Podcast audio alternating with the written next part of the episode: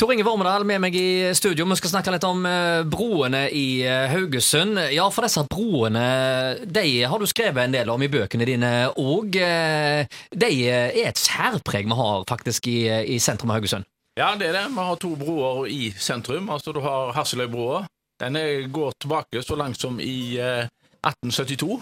Da fikk de ei eh, bro, men det var ei sånn vippebro hvor eh, seilbåter kunne eh, Når det kom større skip inn, så eh, hevde de eh, Mm. broa og sånt. da.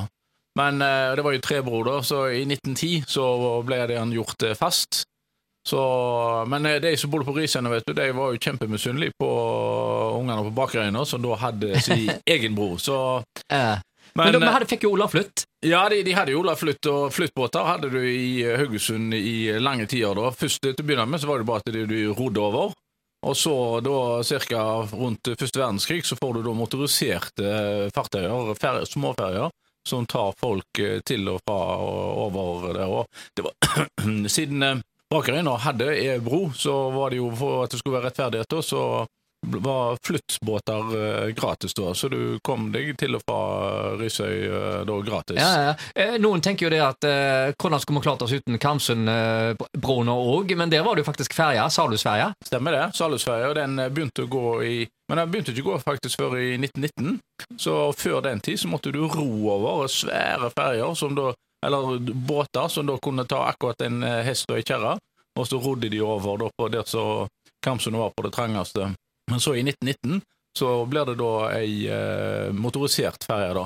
Men eh, der var det jo sånn at eh, de, du kunne ikke sitte inne eller noe sånt. og når da bussene kommer Bussene begynner jo det begynner busstrafikk, denne, det som ble NSB-bussene og sånt, og den kom jo fra 1925.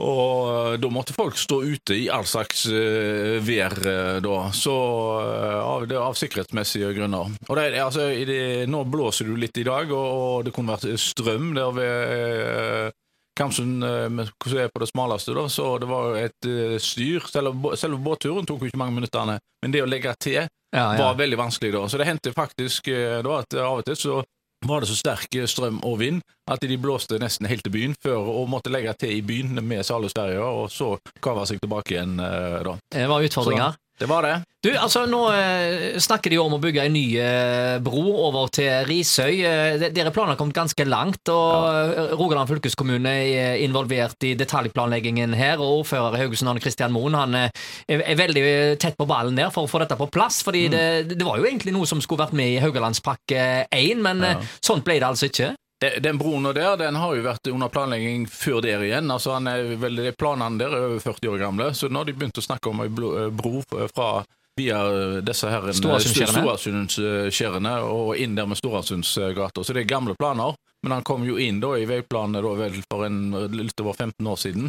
Så vi har gått og venta på den eh, broen der, og eh, Nå ser det ut som det er realiteter jeg faktisk skal få det til. og Ja. Det siste nye der eh, var vel også at han trenger ikke være så høy som først planlagt, og det gjør det billigere og enklere å, å bygge bro nå. Så eh, det ser ut til å være fortgang i dette. Men det er ikke alle som er enige i at broa bør være der. Det er litt sent å komme med nå, kanskje, men Ja. Seglem han har en annen idé. Ja, det virker jo enten når man sover sov i timen eller Men det er jo litt å komme litt seint til å si at han heller vil ha ei annen bro, da. Men altså, når det gjelder dette med broer så, og samferdsel, så har det jo alltid vært diskusjon eh, på dette. her. Det har òg når både Bakgrensbroen og når Risøybroen skulle bygges da. Risøybro den sto ferdig i mai eh, 1939.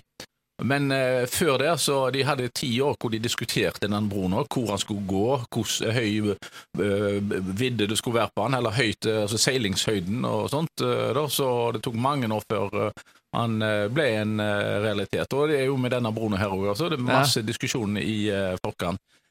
Ja, Det sier altså Tor Inge Vormedal, som er med oss igjen i studio om noen minutter. Vi skal snakke mer om dette temaet.